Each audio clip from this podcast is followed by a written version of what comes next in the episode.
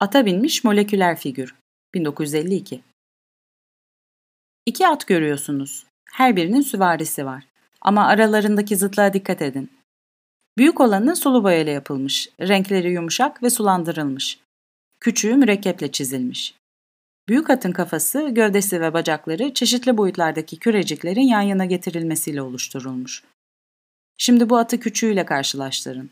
Küçüğün gövdesinin kütlesi bir bütün halinde. Oysa büyük atın kütlesi moleküler parçacıklara ayrılmış durumda. Bu da Dali'nin çağdaş fizik alanındaki gelişmelere duyduğu ilgiyi ifade ediyor. Leda atomika ya da tüy denklikteki figürlerin tersine burada her iki at da yere sıkıca basmış durumda.